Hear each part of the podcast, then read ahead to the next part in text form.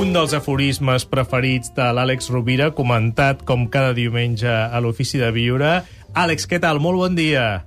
Molt bon dia, Gaspar. Mira, és un aforisme, és una frase de, de Carl Gustav Jung, del, de l'extraordinari psicòleg, um, que va dir en una certa ocasió la vida no viscuda és una malaltia de la que podem morir.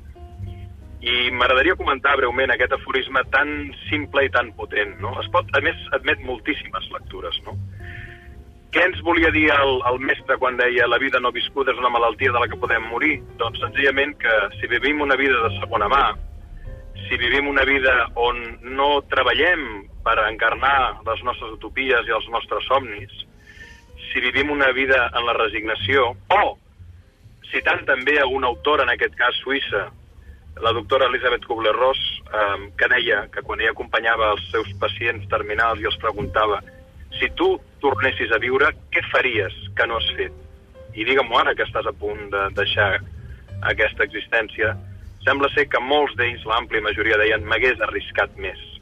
L'aforisme de Jung, aquesta vida no viscuda, que pot ser una malaltia que ens faci morir, ens fa referència probablement al coratge de viure, a la valentia de viure, a la voluntat d'encarnar els nostres projectes i anels, d'expressar allò que potser ens fa por expressar, de treballar per allò que potser creiem que no aconseguirem però no volem renunciar al somni. Recordem que probablement lo important no és la realització dels nostres desitjos, sinó precisament el que fan aquests desitjos i el treballar per assolir-los perquè ens realitzem. Lo important no és que el desig es realitzi, important és que el desig ens ajuda a realitzar-nos, a créixer, a desenvolupar-nos i a donar un sentit a la vida. Recordem també que vivim, com diria Frankel, per estimar i per crear.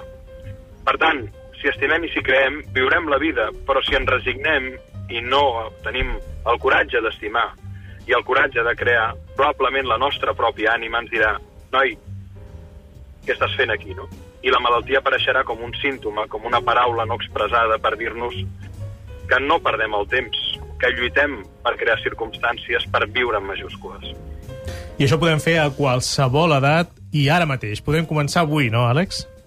Jo penso que sí, penso que, que la vida um, és un present continu.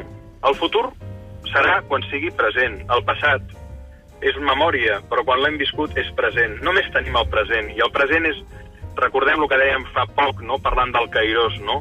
Cada instant té una qualitat única i singular que mai més tornarà.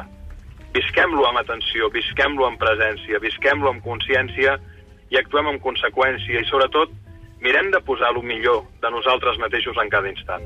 La vida jo crec que serà molt diferent si ho fem així. Àlex Rovira ajudant-nos també a viure amb aquestes frases poderoses que de vegades ens poden fer canviar de xip. Eh, molts són aforismes que comentem aquesta temporada cada diumenge al seu bloc de notes. Àlex, moltíssimes gràcies, que acabis de passar molt bon cap de setmana. Una abraçada. A tu, estimat, una abraçada. Molt bon dia. Gràcies Molt bon també